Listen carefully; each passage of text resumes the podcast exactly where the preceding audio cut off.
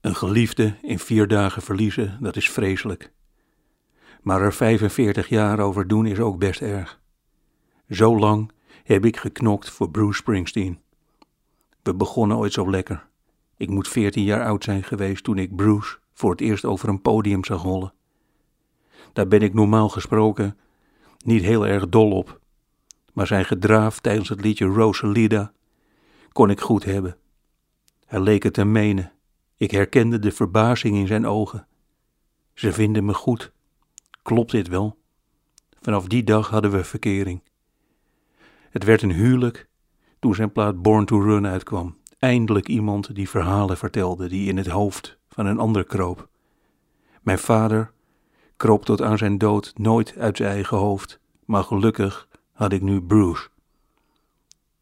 Hij zong over vertrekken en nooit meer terugkomen, door de kou lopen met die jongens van de band, over een Thunder Road die erbij lag als een killer in the sun. Bruce zong over alles wat ik niet durfde. Hij begreep mij. En 90 miljoen andere Nico's. Dat was wel een teleurstelling. Artiesten houd je toch het liefst voor jezelf. Er is niets fijner dan te kunnen zeggen: Oh jee joh, ken je die niet? Nee? Ja man, Coco Fiber. Die heeft al vier platen. Ik zag hem in een studentenhuis optreden. Er waren drie mensen. Bruce Springsteen is misschien wel de lastigste artiest om helemaal voor jezelf te hebben. En dat werd me goed ingewreven toen ik deze week naar Jinek keek. Waar Kluun, Art Royakkers en Dolf Jansen alle drie precies het verhaal vertelden wat ik nu ook zojuist vertel.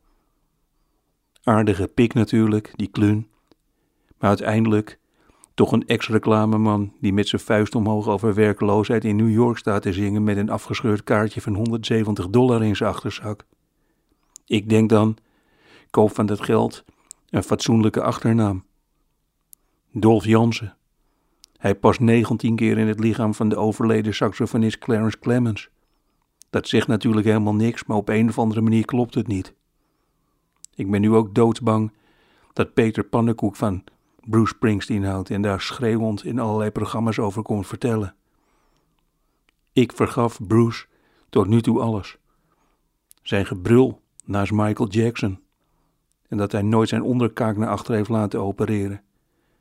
Maar ik moest hem laten gaan toen ik begreep dat Frans Timmermans een fan is.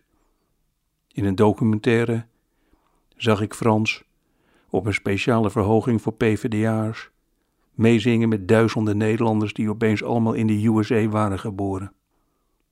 Er zijn grenzen. Dag Bruce.